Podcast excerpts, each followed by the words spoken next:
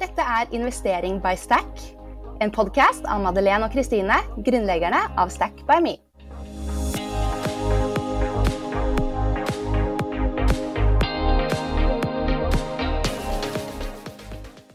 Denne episoden er sponset av ETF-forvalteren Xtrackers og favorittregnskapssystemet vårt 247 Office. Hallo og velkommen til et nytt år og ny sesong med Investering by Stack. Dette er podkasten hvor vi snakker om penger og investering. Og i denne episoden skal vi oppsummere 2023 og sette oss noen mål for 2024.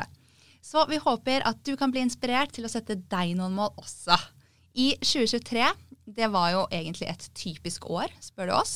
Utrolig mye humper i veien og dommedagsprofetier, men positiv avkastning på aksjer likevel. Så nå har vi jo Madeleine tilbake her fra mammaperm. Så velkommen tilbake. Har det vært fint? Hallo! ja, det er utrolig hyggelig å være tilbake. ja, så bra.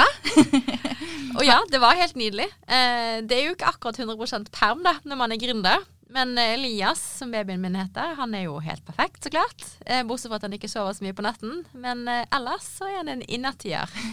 ja, det er han. Og det skal bli veldig bra å få deg med her i podden igjen også. Har du lyst til å oppsummere, hoppe rett i det, oppsummere markedet for 2023 litt? Har du hatt noe tid til å følge med noe særlig? Ja, eh, så klart jeg kan oppsummere. Jeg har jo hatt eh, masse tid til å lese aviser eh, mens jeg har både nattamøte og dagamøte, og i det hele tatt vært ganske ammelås med mobil i hånden i fem måneder. Mm. Men oppsummert så vil jeg si at det var hovedsakelig fire, kall det humper i veien. og den ene det var jo da superinflasjon. Det har jo alle merket. Eh, den var litt lavere enn i 2022, men likeså veldig mye høyere enn målet til f.eks. Norges Bank eller Fed eh, som er på en måte Norges Bank i USA. Mm. Og så har det jo da vært stigende renter for å motvirke inflasjonen. Eh, de setter jo den opp sånn at folk skal ha høyere finansieringskostnader på bolig og andre prosjekter, sånn at man har mindre penger å handle for, eh, og det er dyrere å investere. Og så er jo teorien da at da vil jo prisene falle fordi etterspørselen synker. Eh, og det er jo ganske logisk. Eh, ja. Dessverre. Kjipt, men uh, ja. Det er sånn de holder inflasjonen i sjakk. Uh, og så hadde vi jo flere bankkollapser egentlig som preget tidlig på året. Silicon Valley Bank var jo den mest kjente. Men vi har jo en egen episode om akkurat det, for de som vil høre mer detaljer om uh, den saken. Mm. Og det ga jo markedet en reell støkk. Som den selvfølgelig fort kom over, men det var en støkk. Mm. Og så sist, men ikke minst, så vil jeg si at markedet har vært preget av mye sånn dommedagsprofetier. Uh, så ikke, liksom, det er ikke egentlig noe som har skjedd, men bare liksom, synsing. Ja, det har eh, vært snakk om krekk crack liksom, hele året. Ja. Nesten alle har ment at det skulle komme en hard landing, eller i beste fall en medium hard landing på liksom, dette inflasjonsproblemet. eh, som jo egentlig stammer fra covid-problemet. Fordi Pga. covid så ble alle rentene satt helt i null, fordi man var livredd for at nå går liksom alt til helvete. Og forbruket ble stimulert noe sinnssykt. Og så i tillegg ble det vanskeligere å få varer fra Kina og generelt handel på verdensbasis eh, på tvers av grenser ble vanskelig. Eh, så da hadde du mindre tilbud og mer etterspørsel. Eh, folk brukte jo heller ikke liksom, de vanlige pengene på å gå ut og spise og sånn, så de hadde mer til å kjøpe varer. Mm. Um, så ja, hvordan fikse det? Eh, og veldig få trodde på en myk landing som det mest sannsynlige scenarioet. Men nå ser det ganske mykt ut. Det er fortsatt noen som driver melder resesjon. Men renten har økt, men ingenting har egentlig krasjet bortsett fra kanskje næringseiendom, som har fått seg en, eh, en reell støkk. Ja. Og fornybarbransjen. Um, så det er, jo, ja, det er jo egentlig fantastisk om det holder seg. Uh, og e- eiendom har jo faktisk allerede kommet litt tilbake igjen i aksjemarkedet. Og så får vi se om renteoppgangen gir en bra brems litt forsinket da, eh, i liksom det overordnede hele markedet. Det kan jo hende. Men nå øyner jo de fleste rentenedgang, så ja, jeg er optimist som vanlig, Kristine. Ja, det er bra. Men ja, en uh angående dette med covid, at man eh, sparte opp så mye penger. Jeg var på en lunsj med jeg tror det var DNB rett før jul. Og de snakket også om dette med at folk sparte opp så mye penger under covid. Eh, og at i USA så lå plutselig over 5% av BNP på folk sine sparekontoer. Og det har jo veldig liten eh, verdiskapning sånn makroøkonomisk sett. Så da må staten da ta i bruk virkemidler for å ta disse pengene tilbake, rett og slett. Og det fikk meg skikkelig til å tenke på sånn, hvor utrolig liten makt vi selv har. Fordi liksom, hallo, her har folk vært så flinke til å spare, og så kan staten faktisk bare sette opp renter og kostnader, sånn at man til slutt ikke har noe igjen. Og ja Akkurat den var litt sånn yeah, yeah. Det fikk meg i hvert fall til å tenke at sånn Da burde man i hvert fall investere, eller ikke ha de pengene på konto. Jeg vet ikke.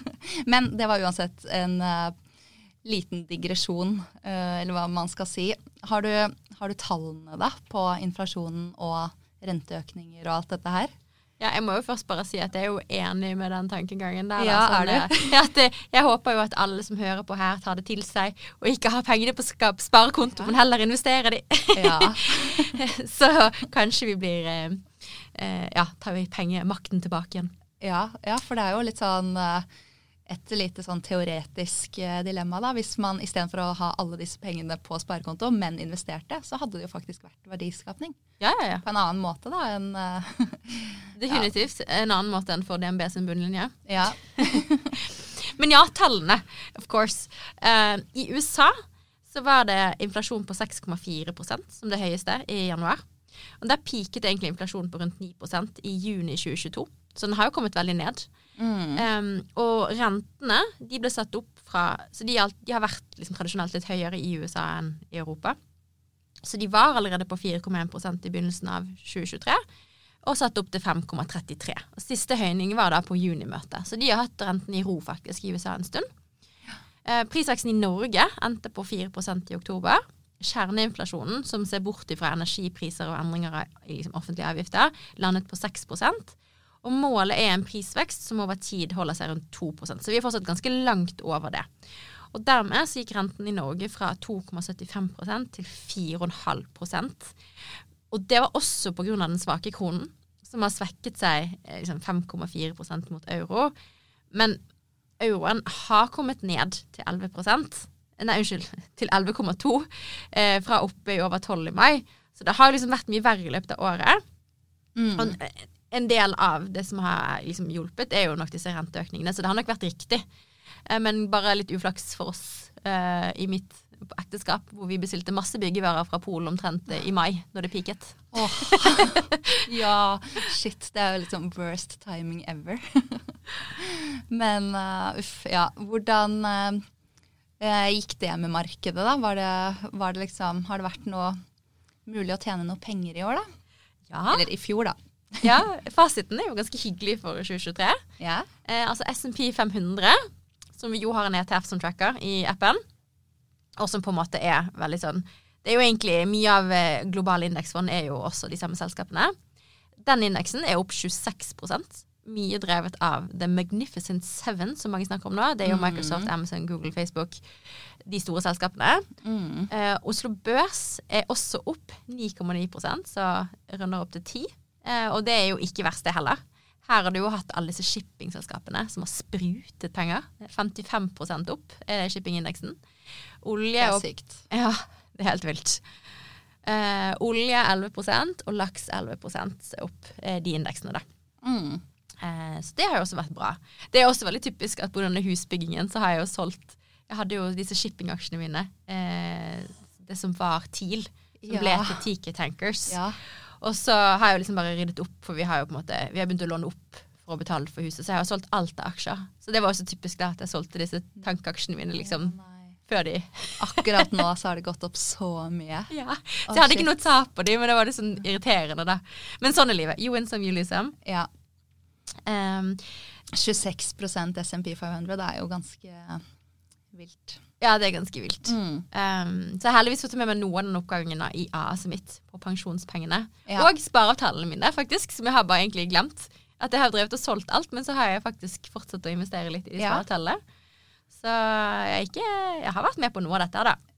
Det Eh. Men det er jo bare et sånn klassisk eksempel på at det der å bare investere, aldri selge, er alltid det som lønner seg mest, da. Ja, ja, det har jo vært min eh, filosofi hele 2023. Jeg har jo bare gått all in på Jeg har jo blitt for hekta nesten. Jeg har jo ikke klart å Jeg bare investert sånn Jeg har 500 kroner igjen på brukskonto, jeg bare får det inn også. Må få pengene i arbeid. Helt sånn. Så, ja, så jeg har jo investert på en måte over evne, egentlig, i år. Så da har jeg også hatt fla- flaks, da, vil jeg jo si. at det har gått så bra. Men samtidig så har det jo vært, som du sier, så mange dommedagsprofetier. Mm. Eh, man skulle jo, Det er så mange også som bare har sittet sånn Jeg bare venter litt fordi jeg venter på at nedgangen skal komme før Mm. jeg går inn. Mm. Eh, Det er det man Så- aldri må gjøre, vet du. ja, Man må bare komme i gang. Så får man heller eh, fase inn, da, hvis man er litt nervøs. Ikke sant? Um, Og hvis det kommer en nedgang nå, så har jo jeg i hvert fall masse avkastning jeg kan ta av. det er akkurat det du har. Og man vet jo ikke. Den, uh, ja, den nedgangen er jo alltid meldt, så vi får jo bare se. Eh, jeg stiller meg positiv. Uh, og eh, de beste fondene hos oss i Stek, uh, det har jo Altså det beste fondet har jo vært den AI-ETF-en som vi lanserte tidligere i år. Eh, den var Den har du fremdeles, eller? Har du solgt Nei, jeg har jo solgt alt. Oh, ja. Så det var litt dust. Men, eh, men jeg, hadde, jeg tror jeg hadde 40% avkastning før jeg solgte. Så det var jo ganske bra. Men det endte jo på 63% avkastning. Det er helt vilt. Det er helt vilt. Altså 63% avkastning. Det er sånn, Husker jeg la ut en uh, reel på Instagram der jeg brukte 25% avkastning som et eksempel. Det skal man jo ikke gjøre, for det er, liksom, det er jo for godt til å være sant. Men hallo, 63% går faktisk også an i et fond. Ja, det gjør det. Og det er jo, um, men det er det vi sier, da. Med, eh, hvis du først investerer i teknologi, f.eks., så må man bare liksom power through. Fordi teknologi kan også falle. Ja. Som 40% på et år. Ja. Ikke sant? Men du tjener jo aldri inn igjen det hvis du da bytter til eh, liksom en bred global indeks, fordi den vil aldri stige 63% på et år. Nei.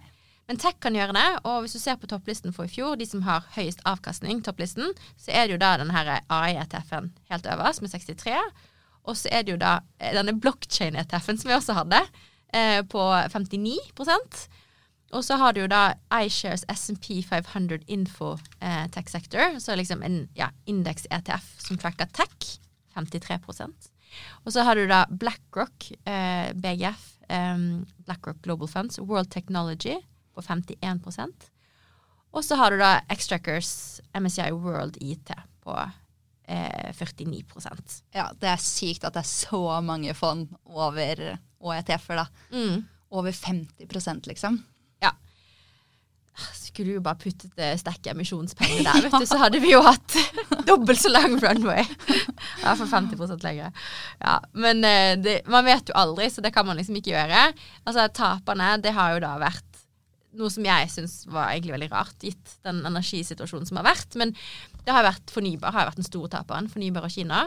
Mm. Og i fjor, det var jo mange som meldte at ja, liksom emerging markets var liksom den neste muligheten. Ja, virkelig. Så det er jo vanskelig. Men altså, helt, helt nederst, den aller verste ETF-en har vært i i fjor, det var jo iShares Global Clean Energy. Eh, og nest verst, den var ned 24 Nest verst var Allianz All China Equity, ned 23% Det er ganske mye for et fond. Man tenker jo liksom sånn Vi snakker jo litt om det at eh, mange tror man kan tape alle pengene sine hvis man investerer, og at det på en måte ikke er Det er jo ikke riktig. Nei. Men dette her er jo da på en måte litt sånn worst case når det gjelder fond, da. Altså, det er jo teoretisk mulig, men altså Hvis du kjøper et bredt fond, så er jo det svært, svært, svært lite sannsynlig. Ja. Man taper alle pengene. Spesielt i så store, liksom etablerte, brede fond som det her. Men når man da sitter på disse her, så ja, da bør man vel egentlig, som du sier, også bare sitte gjennom. Med mindre man må selge seg ut. Ja, det tenker jeg. Altså, hvis du Så lenge man har tro troen på det. Ja. Ja. Jeg har troen på fornybar. Eh, jeg syns jo egentlig at det er litt rart at de har falt så mye, men det er jo mye rentesensitivitet i den sektoren. Ja. Det var jo veldig høye priser på den sektoren. På høye forventninger, rett og slett. For det er mange Mm. prosjekter som skal bygges ut. Det er fremtidig cashflow.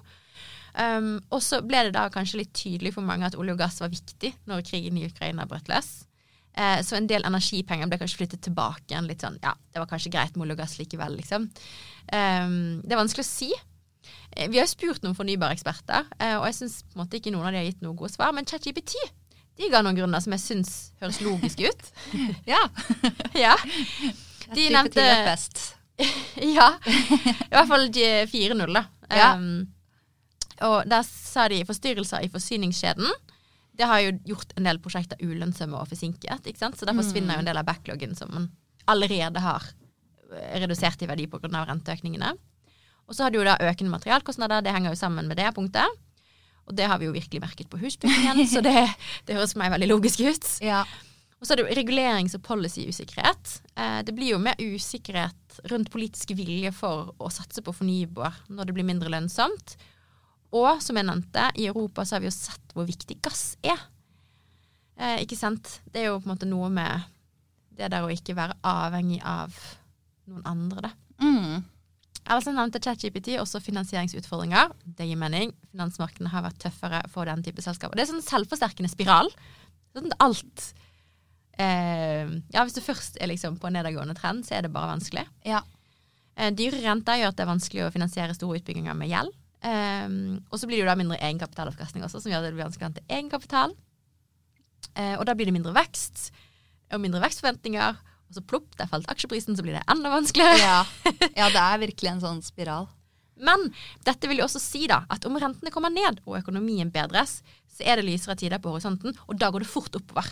Mm. Så man rekker nesten ikke henge med. Så der tenker jeg bare jeg sitter gjennom, så jeg er positiv til den sektoren på lang sikt. Så da, da er jeg bare der. Sånn at når det kommer, så er jeg med. Ja, ikke sant. Ja, jeg øh, håper jo personlig virkelig at fornybarsektoren øh, tar seg opp. Og vi hadde jo eh, Tina Saltvedt her i podkasten også. Hun fortalte jo det, det var vel rett etter sommeren, at nå hadde eh, markedene bikket sånn at det ble investert mer inn i fornybar energi enn i fossil energi. Mm. Som er et sånn virkelig stort uh, brytepunkt eller milepæl, eller hva de kaller det. Um, Spørsmålet om det har holdt seg da, med Ja, de markedene som har det vært. hvem vet? Det kan vi, Vi gjøre research på. ja. men, uh, men uh, det er jo i hvert fall mye optimisme, eller mange som det, det må jo bare ta seg opp igjen. I hvert fall på sikt, da. Håper vi. ja. Ja. Altså, det er jo ikke noen annen løsning. Nei. Enig. Men uh, hva, med, hva med Kina, da? De var jo også på den, denne listen. Ja, det var to Kina-fond på den listen. Og de har jo lidd veldig av at internasjonale investorer de skygger unna. Fordi styret i Kina de er litt, eh, la oss kalle det ustabile. Ja. Uh, og her snakker vi om regulatoriske undertrykkelser. Altså, plutselig så var det ikke lov med privatundervisning. Så det hadde på en måte rammet hele undervisningssektoren og på en måte undervisningstech. Og tech har jo også blitt regulert kraftig. Han der eh, gründeren av det største tech-firmaet i Kina har liksom bare plutselig forsvunnet. Ja. Og så kom han tilbake igjen, men ja, han har sikkert vært torturert og Nei da, skal ikke spekulere. Oh, ja. Men han har sikkert ikke hatt det så veldig hyggelig. Ehm, og geopolitiske spenninger, f.eks. med USA. Ehm, og ja, så har de hatt masse økonomisk nedgang pga. deres sånn null covid-politikk. De har hatt krise i eiendomssektoren. Altså Det er en saftig cocktail med mye på en gang. Jeg føler det er litt sånn det er. Enten så går det mye veien, eller så er det mye som ikke går veien. Mm. Og Kina har hatt en sånn mye som ikke går veien-type. Ja, ja. Det er det. Og herregud, det er sånn det her er jo mye info, da, men det blir jo liksom Alt henger så sammen, da. Eh, og liksom når det begynner å balle på seg, så er det ene fører til det andre, og det andre fører til det eh, tredje, og, ikke sant. Eh, og eh, det er mye liksom man skal følge med på, men eh, Ja, og akkurat liksom emerging markets og Kina, der har jeg kjøpt en liten andel sånn emerging markets-fond. Men jeg, jeg syns det er mye sånn her. At liksom myndighetene bare finner på ting. Og i Kina spesielt er det jo et sånn spesielt oppsett hvor det er bare enkelte aksjer som internasjonale investorer får lov til å investere i. Sånn at ja, jeg må innrømme at jeg faktisk skygger litt banen på så, eh, i hvert fall så smale eh, emerging markets-fond. ja. Um, og liksom, ja, jeg putter ikke for mye penger inn i det, for jeg bare syns at politisk risiko, det er kanskje det som jeg syns er skumlest. da. Mye, mye skumlere enn tech-risiko og alt annet, egentlig. Mm. Og det er jo sånn, man kan jo tenke at eh, ok, det har gått mye ned, kanskje det skal gå mye opp etter hvert. Men samtidig så er det jo akkurat det du sier, at liksom politisk risiko Man eh, sender pengene sine i retning noe man kanskje ikke helt forstår. Mm. Eh, men ja, vi har jo flere Kina-fond i, i appen også, så Ja, og også med tanke på impact, da. Altså, du har jo disse uigurene, eh, hvor på en måte hvis du, hvis du investerer i Kina, og du risikerer at måte, myndighetene begynner å ta mer av avkastningen din enn eh, en det de gjør i dag, da, som vil Mm. føre til liksom, en verdioverføring, vil du virkelig være ha pengene dine der hvor verdioverføringen går til en sånn type regjering. Nå ble jeg veldig politisk her. Eh, um, ja. Ja. Vi får klippe vekk. Ja, ja, ja. Så jeg prøver ikke å være en politisk podkast, men, men ja, det er bare noe å tenke på, da. At man kan jo Må provosere litt også, vet du. Ja. Det, det liker folk. Nei da. Men det er jo ja, det er kjempevanskelig. Og, men herregud, det er jo Det her var jo nesten litt sånn her ilde opp tilbake fra mammaperm for deg, men jeg skjønner jo at du har eh, du har i hvert fall hatt tid til å sitte og følge med. Ja, fulgt med, Det er jo det som er bra med aksjemarkedet, da, at det er liksom ongoing hele tiden, overalt. Så, ja, og kanskje også mye info for eh, alle lyttere som nettopp er tilbake fra ferie. Men eh, nå er det på tide å komme i gang igjen her. Yes. Nytt, eh, nytt år, nye muligheter. Men ja, hva skal jeg si? Vi skulle jo egentlig snakke en del om 2024 også, målene våre. Men kanskje vi rett og slett heller skal runde av her i dag, så kan vi lage en egen episode om mål om 2024, hva vi tenker. Fordi vi har ganske mye på hjertet der òg. Ja, god idé. Eh, da kan vi jo snakke om eh, litt eh, om vårt hårete mål her i Stekk. Om en liten børsnotering etter hvert også. Ja. Vi var jo litt bold og meldte dette i Finansavisen i romjulen. ja. Vi har store ambisjoner. Eh, ja, la oss gjøre det sånn. Men da, altså kort oppsummert, da, så ble det faktisk et veldig bra år på børsen i fjor. Eh, spesielt da innenfor tech, som vi har sett helt vill avkastning. Og nå er det jo også spådd at styringsrenten fremover kommer til sannsynligvis holdes mer uendret en lengre periode, før den gradvis settes noe ned. Eh, så det er vel mer snakk om en myk landing nå enn det er snakk om krekk og resesjonsprofetier eh, ute og går, eller hva, Madeleine? Ja, noen er jo alltid bearish. Det var en på DN i dag som sa at resesjonen må komme. Ja. Men eh, jeg tror nok at det er bitte litt mer stabilitet i sikte. Men man vet jo aldri hva som skjer. Eh, hvordan det går fremover med AI og tech, er det jo mange som spekulerer i nå. Um, så ja, det blir spennende å følge med fremover. Ja, det gjør virkelig det. Så dagens oppfordring da, er å ta en liten titt på din egen portefølje. Hvordan har fondene dine gått? Trenger du å justere noe?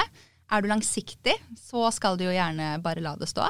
Men har du f.eks. endret livssituasjon eller tenkt at du skulle investert noe mer i en spennende sektor, så kanskje du skal justere deg noe nå. Så yes, gå inn og gjør en liten review der. Ja, og hvis du har råd, øk spareavtalen. Ja. Absolutt. Jeg gjør som meg. Ja. Nei, gud. Det kan jeg ikke oppfordre deg til. ja, men det er dritkult. da. Over én million investert. Jeg syns vi må klappe litt for det. Ja, hallo. Det var jo vilt at jeg nådde det målet mitt i 2023. Så nå har jeg bikket eh, Herregud, den dagen jeg liksom bikket én million. Ja. Jeg bare, yeah, Sykt kult. Og så, så klart, det svinger jo litt. Så dagen etter så var jeg sånn 980 000, da. Så jeg bare nei! Dette kan vi snakke masse om i neste episode. Nå er jeg over igjen. Så det svinger oppover, i hvert fall. Det gjør det. Ja. Nei, men uh, herlig. Tusen takk, Uh, takk for nå. Takk, Madeleine, for en uh, oppdatering. Eh, Takk selv for at jeg Ja. fikk komme tilbake til podden. Du har gjort det så bra mens jeg har vært vekk. Jeg var litt sånn usikker på om jeg fikk lov til å snike meg inn igjen. trenger ikke deg, nei. Jo. Nei, det er kjempe, kjempebra. Det blir veldig bra fremover nå. Gleder oss til masse spennende gjester i år. Og ja. Ja, Og ny sponsor, X-Trackers. Ja. Det er veldig, veldig kult. De, er jo, altså, de har jo så mye bra store ETF-er med billige kostnader. We like. Ja, virkelig. Vi skal gjøre masse kult med X-Trackers. Og Lina som jobber der, som uh, vi bare har uh, Det er vårt girl crush fordi hun er så kul. så alle skal få bli bedre kjent med henne også. Men uh, det er vi glad for. Ja, vi digger alle damer som prøver å få flere damer til å investere. Ja, virkelig. Ja. Takk for i dag. ja, takk for i dag. Ha det. I denne podkasten kan du lære mer om investering. Vi ønsker å inspirere deg til å ta din økonomiske fremtid i egne hender. Og dette kan du gjøre med X-Trackers ETF-er. Invester steg for steg med X-Trackers, ETF og ETC-leverandøren fra DVS. Gå til xtrackers.com og begynn nå. Og husk, det er alltid risiko tilknyttet investering. Verdien av investeringene dine kan gå både opp og ned. I samarbeid med DVS International, Frankfurt, Tyskland.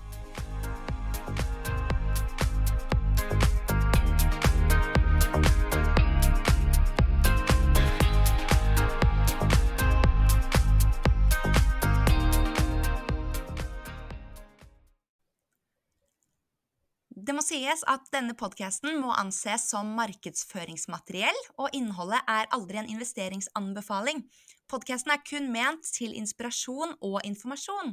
Så innholdet i podkasten bygger på offentlige, tilgjengelige kilder som Stack anser som pålitelige, men vi kan ikke gi noen garanti for nøyaktighet og fullstendighet bak dette. Så Stack by me tar ikke ansvar for eventuelle tap som dere lyttere kan møte dersom dere bruker informasjonen som blir gitt i denne podkasten.